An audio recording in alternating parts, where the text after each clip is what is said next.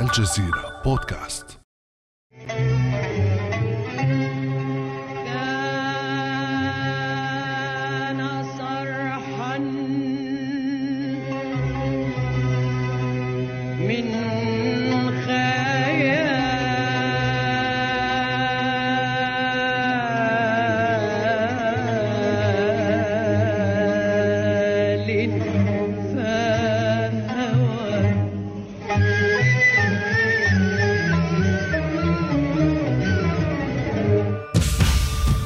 كان صرحا من خيال فهوى. صرح استمر أقل من 72 ساعة. إنه مشروع السوبر الأوروبي لكرة القدم.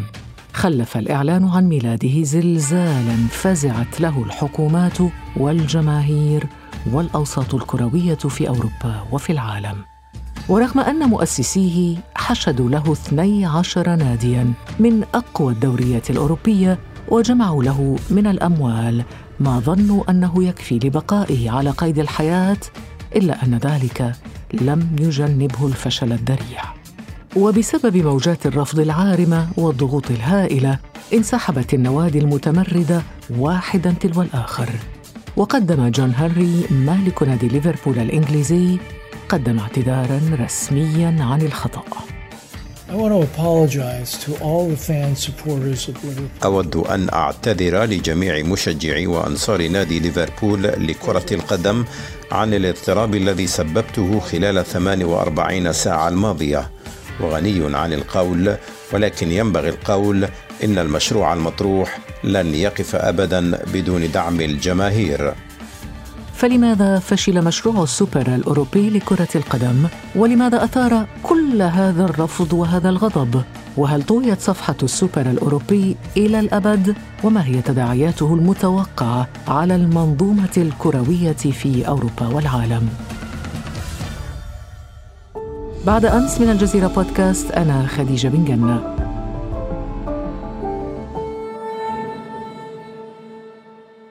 ويسعدني جدا أن أرحب بالزميل العزيز حفيظ دراجي المعلق الرياضي بقنوات بين سبورت أهلا وسهلا بك حفيظ مرحبا أختي العزيزة وكل عام جداً. بخير. وأنت كذلك وكل المستمعين الكرام إن شاء الله طيب آه، حفيظ كيف جاءت فكرة إطلاق السوبر الأوروبي ولماذا؟ فكرة بالشكل الحالي كانت عندها سنوات طويلة جدا من قبل أنا نسميهم كبار القوم في كرة القدم وعمالقة الكرة الذين يصنعون الفرجة بشكل كبير جدا ويملكون الجماهيرية الكبيرة جدا على الصعيد الأوروبي وكذلك العالمي كان هناك فكرة من أجل زيادة المداخيل والأرباح وزيادة الاهتمام لأنه يعتقدون بأن ما يعطيه الاتحاد الأوروبي للنوادي المشاركة في مسابقة دوري أبطال أوروبا أو حتى المتوجة بالمسابقة ما يعطيه لهم هو مجرد فتات يتراوح كم بين تقريبا؟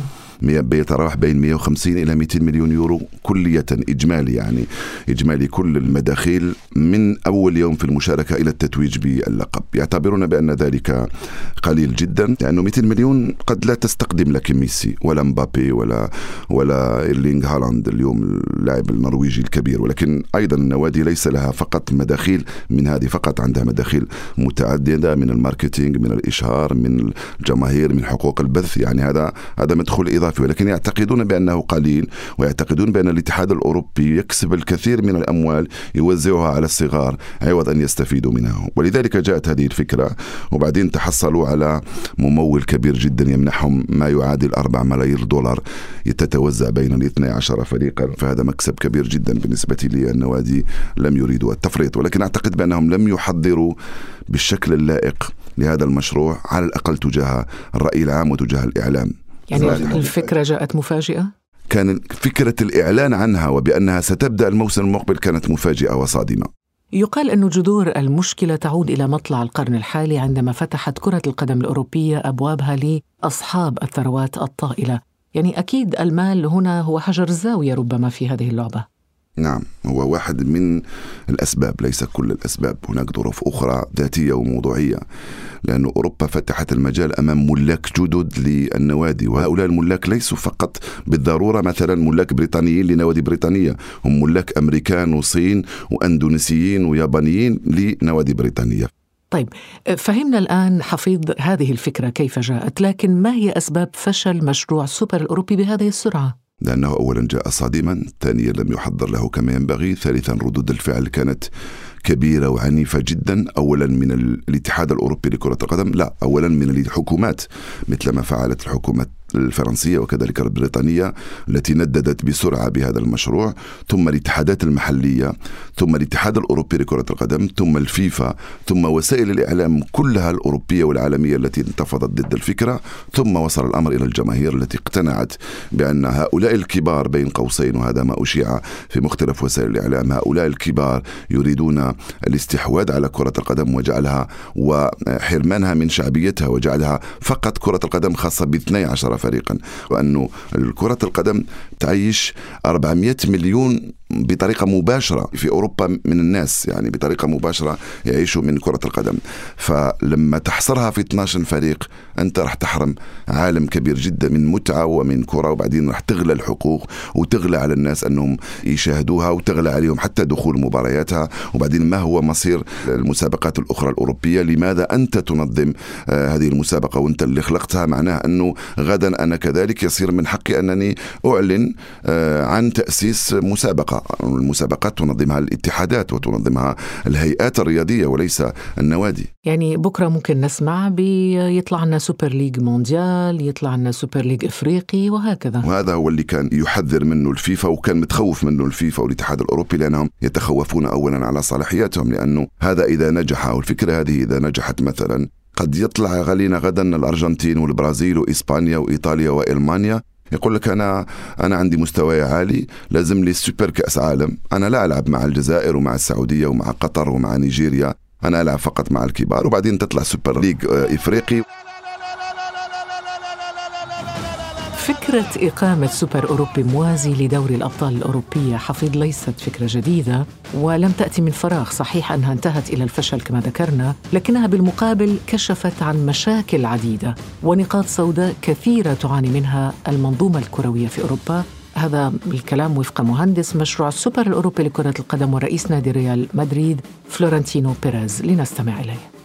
Yo sé lo que gana LeBron James porque hacen públicos los salarios أنا لا أعلم كم يجني رئيس الاتحاد الأوروبي لكرة القدم على سبيل المثال.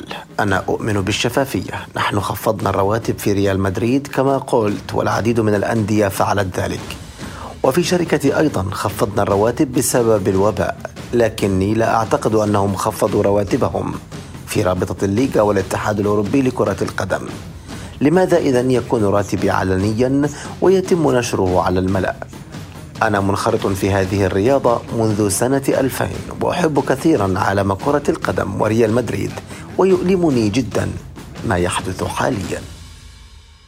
حفيظ كلام رئيس نادي ريال مدريد فلورنتينو بيريز يحيلنا أو يدعونا للتساؤل عن أبرز المشاكل التي تعانيها فعليا الآن صناعة كرة القدم الأوروبية. عندما نقول بأن المشروع فشل أو المشروع مشروع ولد ميتا أو ننتقده أو نعارضه فهذا لا يعني بأن لا توجد هناك مشاكل ولا يعني بأن فلورنتينو بيريز ولا الأندية الأوروبية الكبيرة ليس لديها مشاكل بل بالعكس لديها مشاكل من زمان سواء تنظيمية أو حتى من الناحية الفنية. مشاكل جعلتها اليوم مديونة بمليار يورو مثلا بالنسبة لفريق برشلونة عنده ديون تبلغ مليار يورو.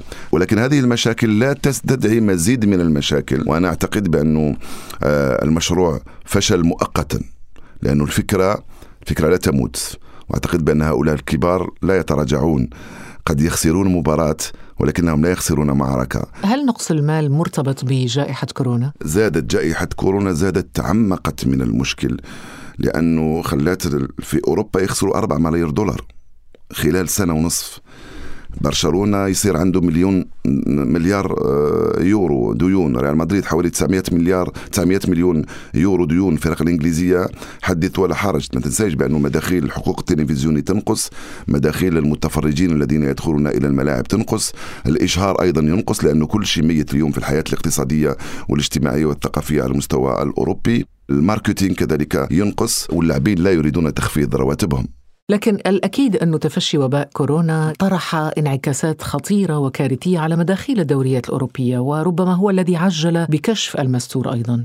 وباء كورونا لم يقتصر تأثيره على الرياضة أو على الكرة. صارت جزء من هذا العالم. أي نعم مهمة جدا بالنسبة للناس لأنه ما عندهمش هوايات أخرى واهتمامات أخرى ما عدا الكرة. ولكن مع ذلك أعتقد بأنه آه، هاي هذه النوادي في حاجة إلى متنفس ومساعدة ويبدو أن الاتحاد الأوروبي قرر مؤخرا أنه يمنح المكافآت يضاعف حجم المكافآت اللي كانت 150 إلى 200 مليون يورو قرر أنه يوصلها إلى حوالي 400 مليون يورو لمن يتوج باللقب أو يشارك في المنافسة الأوروبية. فهذا شيء جميل بالنسبة للنوادي أنها بدأت تستفيد ومن الاتحاد الأوروبي الذي آه، لديه مداخيل كبيرة جدا من خلال هذه المسابقات. ربما كورونا فعلا عمقت هذه الأزمة المالية ولكن يقال هناك تبذير أيضا. يعني هذه النوادي أنفقت ميزانيتها دون ضوابط في صفقات رواتب خيالية للاعبين مزايا لوكلاء اللاعبين وهكذا. طبعا هذا أمر مفروغ منه. هذا عنده اسبابه مثل ما هناك أسباب لغلاء أشياء كثيرة في هذه الدنيا ليس فقط في مجال حتى بالنسبة للفنانين صاروا يتقاضوا رواتب كبيرة جدا من أجل حفلة إلا المذيعين والمعلقين حفيظ مساكين. الا المذيعين والمعلقين. فحتى المغنيين والفنانين اليوم يتقاضون أموال كثيرة جدا. هذه سنة الحياة. الأمور تغيرت. تقولي في مبالغة. نقول لك أوكي مقارنة بانه كون أن اللعبة هذه شعبية والشعب يتأثر طبعا الجماهير لما تسمع بأنه لاعب يتقاضى آه اسمعي كويس 10000 يورو في اليوم. طيب هذا بالنسبة للاعبين درجة أولى. إيه حتى ولو. فلما تسمعها أنت ممكن تتأثر أنت تقول أنت معجب بميسي مثلا أو معجب في معجب بمحرز. خلينا نبقى في لاعب عربي. محرز كلاعب عربي آه، يتقاضى في الأسبوع نقول لك كم؟ كم؟ 200 ألف يورو في أسبوع. والله يستاهل. إيه إيه okay. يستاهل. وفي نفس الوقت المشاهد هذا وهذه الشعوب وهذه الأمم تستاهل كل الخير كده. طبعا الفرحة التي يصدرها اللاعب لملايين المشاهدين. صح. يعني ربما تجعل هذا الرقم في خانة المعقول. طيب ما أنا من خلال كلامك يستاهلوا الريال والبارسا والجوفنتوس أنه نعطي لهم كل الفلوس. أنا من عشاق رياض محرز. طيب وال super league هذا يستاهل في الفلوس كلها. كم يأخذ تقريبا؟ super league أربع ملايير آه، يتقاسموها بيناتهم والصغير لا يأخذ ولا شيء. ماذا سأقول؟ تعطلت كما قالت فيروز تعطلت لغة الكلام. طيب السوبر الأوروبي لكرة القدم طويت صفحته. لكنها لم تمزق. لكنها لم تمزق وربما تعود في يوم من الأيام كما ذكرت لكن لا أحد يضمن أن مثل هذه المحاولات كما قلت حفيظ ستعود ربما في المستقبل. لذلك فإن الهيئات الكروية المختلفة سوف تستخلص الدروس جيدا هذه المرة لا سيما وأن هناك من ما زال متمسكا بمشروع السوبر الأوروبي مثل ما يقول رئيس نادي يوفنتوس الإيطالي أندريا أنيلي قبل أن يضطر للاستقالة من منصبه. لنستمع.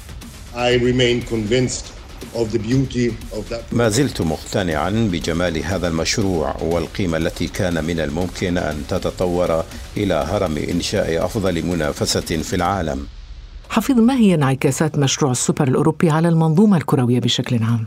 تزعزعت المنظومة جماهيريا وإعلاميا ورسميا حتى وشعبيا أعتقد بأنه صار فيه زعزعة ممكن تكون تداعياتها فيها شوية تداعيات إيجابية لأنه الاتحادات القارية والدولية وحتى المحلية تصغى ابتداء من اليوم إلى هذه النوادي والنوادي هذه ستعرف كذلك حجمها مقارنة بالجماهير والإعلام لأنه في وقت ما كان يعتقد رئيس ريال مدريد بأنه فوق الجميع فوق المؤسسات وفوق الهيئات الكروية سواء محلية أو حتى أوروبية ودوليه الآن تقريبا عرف حجمه عرف بأنه لا يمكنه أن يتجرأ لكي يفعل مثل هكذا فعل أو على الأقل كان عليه وعليه من الآن أن يحضر مشروعه كما ينبغي يحضره تجاه الجماهير وتجاه الإعلام وتجاه الأندية الأخرى. لمحاولة الإقناع ولكن لا يأتي هكذا من فوق ويقرر بين عشية وضحاها. حتى اللغة التي جاء بها هذا المشروع كانت لغة تعالي لغة تكبر لغة فوقية.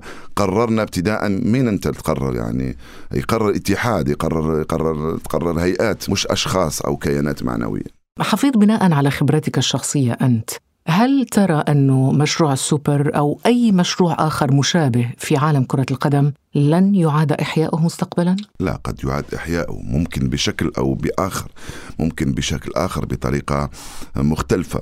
أعتقد بأن المشاريع موجودة أصلا في عالم كرة القدم ولكن كما قلت لك الكيفية التي جاء بها هذا المشروع بيوم هي التي صدمت هذا العالم. ولكن أنا متأكد بأن الأمور ستعود وسيعودون إلى طاولة المفاوضات وطاولة التحاور والتشاور وهذا أمر ضروري جدا. حتى الاتحاد الأوروبي والاتحاد الدولي شعر نوعا ما باهتزاز موقعه عند عندما يجد نفسه أمام مثل هكذا تحدي من قبل من قبل كبار القوم والأمر يتعلق بأكبر الأندية في أوروبا. أي نعم هو لا يتعامل آه، يتعامل مع الاتحادات بالدرجة الأولى كاتحاد أوروبي ولكن عندها وزنها وعندها قوتها وعندها مدى قوة تأثيرها. وبعدين الظروف اللي نعيشها اليوم من الناحية المادية في ظل وباء كورونا تقتضي آه، الجلوس مرة أخرى وإعادة توزيع الريع بين قوسين بين الجميع حتى نحافظ على هذه اللعبة. لفتني إنه أنت تستخدم آه، عبارة كبار القوم يعني كبار القوم في الرياضة على غرار كبار القوم في السياسة الثمانيه الكبار جي 8 أو الجي 8 فهناك كبار قوم أيضا في الرياضة لا يقلون طبعا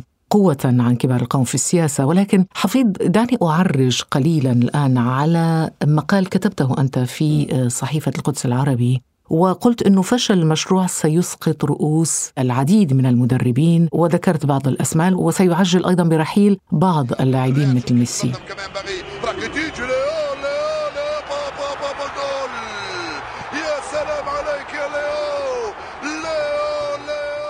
بدأ الرحيل مثلا بأنيلي رحل عن رئاسة جمعية اللاعبين الأندية الأوروبية. بدأ برحيل نائب رئيس مانشستر يونايتد. هناك كلام عن رئيس رحيل ملاك نادي ليفربول. هناك كلام كذلك عن رحيل مالك نادي تشيلسي. طبعا هذه عندها فيها وعليها لأنه رحيل مالك الذي يمول قد يؤثر على الفريق. أما رئيس نادي ليس مالكا ولا يمول هو بطريقة مباشرة قد يكون الأمر عادي. أعتقد بأنه س يكون هناك في الأيام القليلة المقبلة رغبة في الاطاحه بفلورنتينو بيريز لأنه رأس الأفعى مثلا بالنسبة للاتحاد الأوروبي وصفه بكل النعوت. السيئة والخبيثة وصلوا إلى درجة من التراشق بالكلام.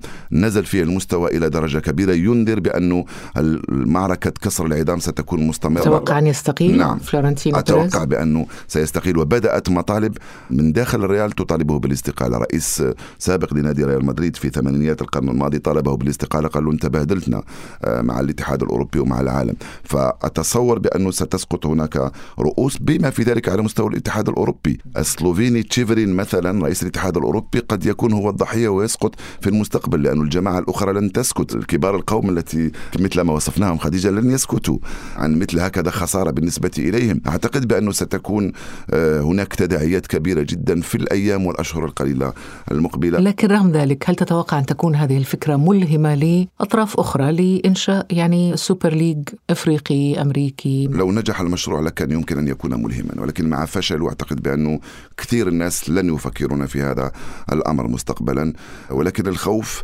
من تجسيد هذه الفكرة في يوم ما بطريقة أو بطريقة أخرى لأنها ستعطي أفكار أخرى لآخرين من أجل إنشاء مشاريع أخرى في مصلحتهم. حفيظ بالنهاية يمكن أن نقول أنه الباور القوة الحقيقية في عالم كرة القدم هي للجماهير. نعم حتى تحدثنا عن كبار القوم وتحدثنا عن الاتحاد الأوروبي والاتحاد الدولي ورؤساء النوادي والمدربين واللاعبين ولكن القوة فعلا خديجة كانت عند الجماهير التي صنعت فارق بضغطها على نواديها بخروجها للشارع. انت في وباء كورونا مباريات هذا الأسبوع في إنجلترا المباراه تلعب داخل أرضية الميدان والناس في الشوارع بالآلاف يتظاهرون ضد الفكرة وضد رؤساء نواديهم الذين انخرطوا فيها وضد كل من أيدها من اللاعبين والمدربين. أعتقد بأنه وحتى في وسائل التواصل الاجتماعي كان لهم دور كبير وكبير جدا. في العالم باسره كان فيه معارضة كبيرة لمثل هكذا مشروع وصف بنعود كثيرة جدا يصعب حصرها كلها ولكن الجمهور كانت له الكلمة الأولى والأخيرة وفعلا يريد أن يحافظ على شعبية هذه الكرة ويحافظ على روحها لتبقى كرة أو لعبة الشعوب بدرجة الأولى. وتبقى فعلا لعبة الشعوب. شكرا جزيلا لك حفظ الراجل المعلق بقنوات بين سبورتس. شكرا على هذه الإطلالة الجميلة. مرة ثانية في البودكاست. شكرا جزيلا. شكرا خديجة. ليس هناك اثنان من دون ثلاثة. شكرا خديجة. إن شاء الله. نتمنى ذلك قريبا إن شاء الله. كان هذا بعد أمس.